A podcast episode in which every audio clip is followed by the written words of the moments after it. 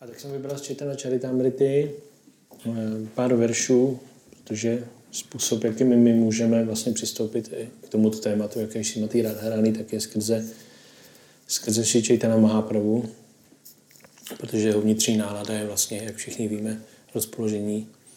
Rozpoložení je vlastně nálada Šimati Radharani, takže mám tady pár veršů, tak já jenom takhle přečtu, co málo k tomu řeknu a pak si zaspíváme. Takže jenom přečtu i první verš. Ej Mata Mahaprabhu náčite náčite, Harit Gráme Asi Bahya Hajela a Čambite. Překlad. Šri Chaitanya Mahaprabhu tančil v extázi, ale po příchodu do Arit Grámu začaly jeho smysly opět vnímat své okolí. Význam. Arit Grámu se také říká Arishtagram. Šri Chaitanya Mahaprabhu věděl, že v této vesnici zabil Šri Krishna Arishtasuru, Dal se tam po Radhakundu, ale nikdo mu nedokázal říci, kde se nachází. Neviděl to ani Brahmana, který jej doprovázel. Šri Chaitanya Mahaprabhu potom pochopil, že svatá místa Radhakund a Šámakund jsou v době, v této době skrytá před zraky všech. Sám tedy objevil Radhakund i Šámakund, což byla dvě malá jezírka ve dvou rýžovištích. I když v nich bylo jen velmi málo vody, Šri Chaitanya Mahaprabhu jako vševědoucí chápal, že to byla původně dvě jezírka zvaná Šri Radhakund a Šámakund. Tak byl objeven Radhakund a Šámakund. Šri Chaitanya Mahaprabhu se ptal místních lidí, kde je Radhakund. Nikdo mu nebyl schopen odpovědět. Nevěděl to ani Brahmana, který jej doprovázel. Pán pochopil, že svaté místo zvané Ráda Kunt již nelze spatřit. Protože je však vševědoucí, nejvyšší osobnost božství, objevil Ráda Kund a Šáma Kund ve dvou rýžovištích. Bylo v nich jen trochu vody, ale přesto se tam vykoupal. Lidé ze vsi se nesmírně divili, proč se Šri Chaitanya Mahaprabhu koupe v těchto dvou jezírkách uprostřed rýžovišť. Pán potom pronesl modlitby ke Šri Kundu.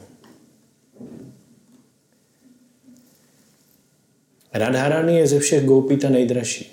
Také jezero známé jako Radhakund je pánu nesmírně drahé, protože je velmi drahé Šrimati Radharani.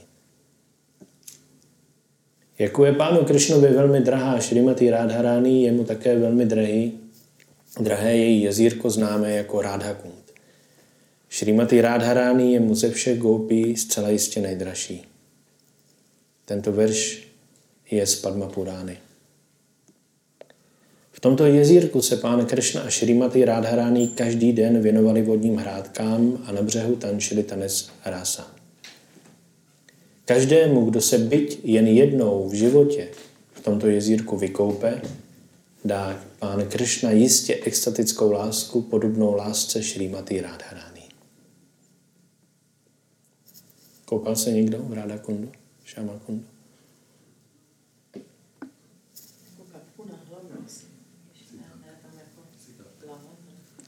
To je stejný, tři kapky.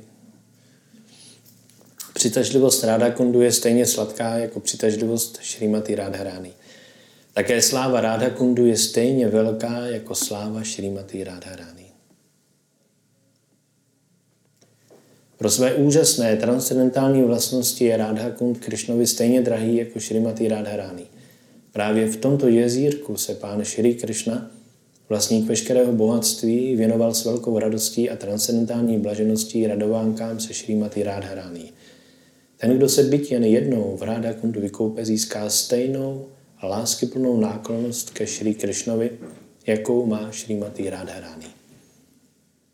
Kdo v tomto světě dokáže popsat slávu a sladkost Šrý Ráda Kundu? Tento verš se nachází v Govinda Lílámritě 702. Takto se Šri Chaitanya Mahaprabhu modlil k Radhakundu.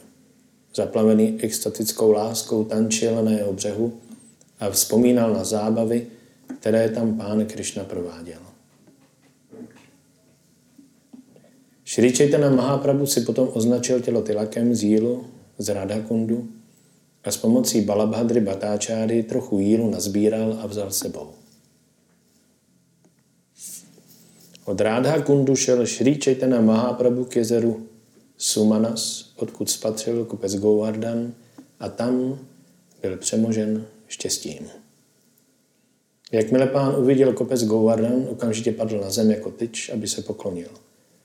Obejmul jeden z kamenů z Govardhanu a úplně zešílel. Šílený extází lásky pána přišel do vesnice Govardhan, kde se poklonil božstvu jménem Haridev. A tak dál, a tak dál, a tak dál. Takže to jsou velice krásné verše, které nám vlastně ukazují, vyjevují tu náladu Šri Chaitanya Mahaprabhu, a což vlastně je nejlepší způsob, jak my můžeme poznat náladu Šrimati Radharani.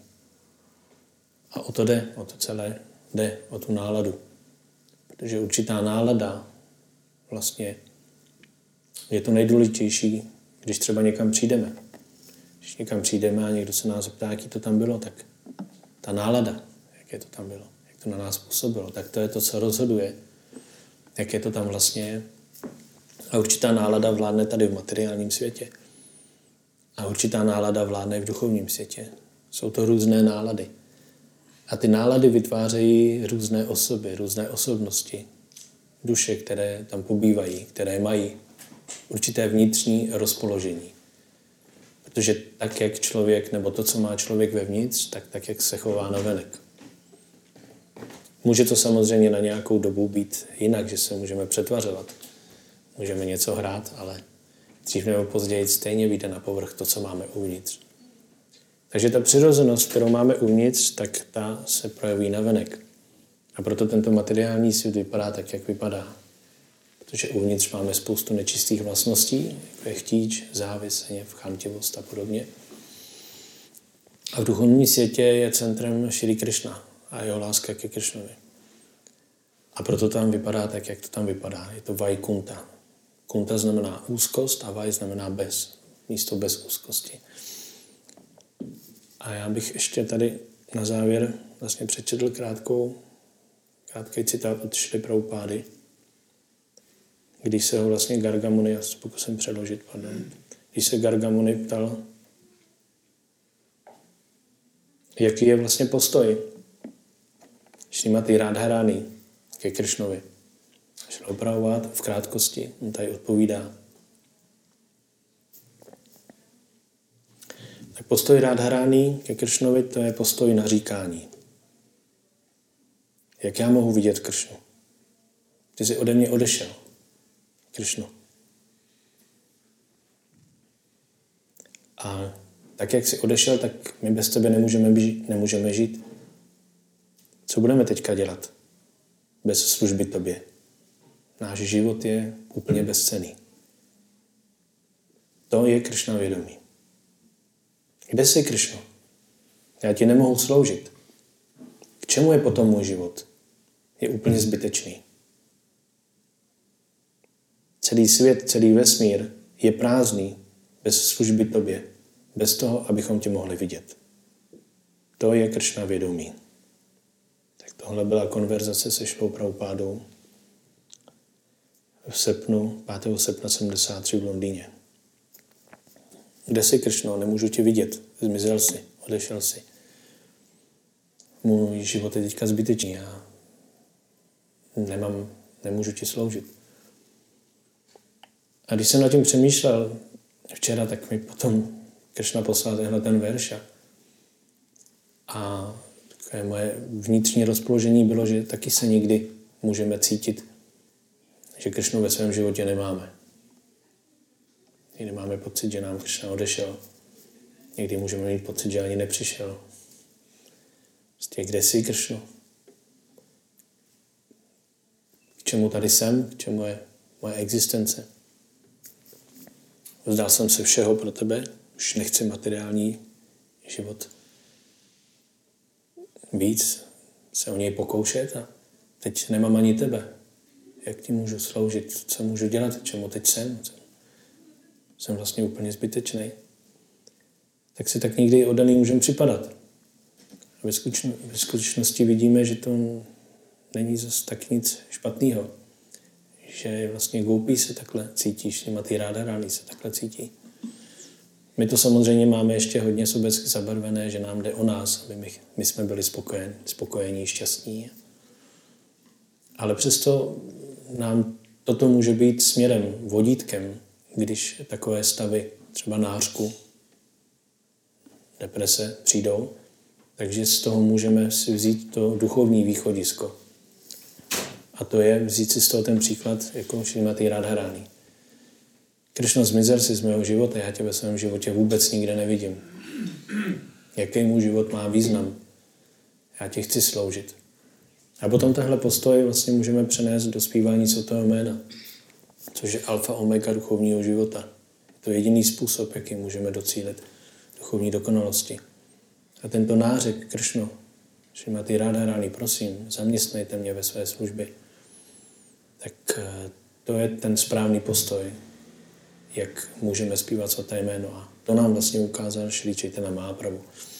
Tak proto jsem dneska vybral tyhle ty verše a chtěl jsem se s vámi podělit o pár myšlenek, které mě přitom napadly. Tak Hare Krishna. Hare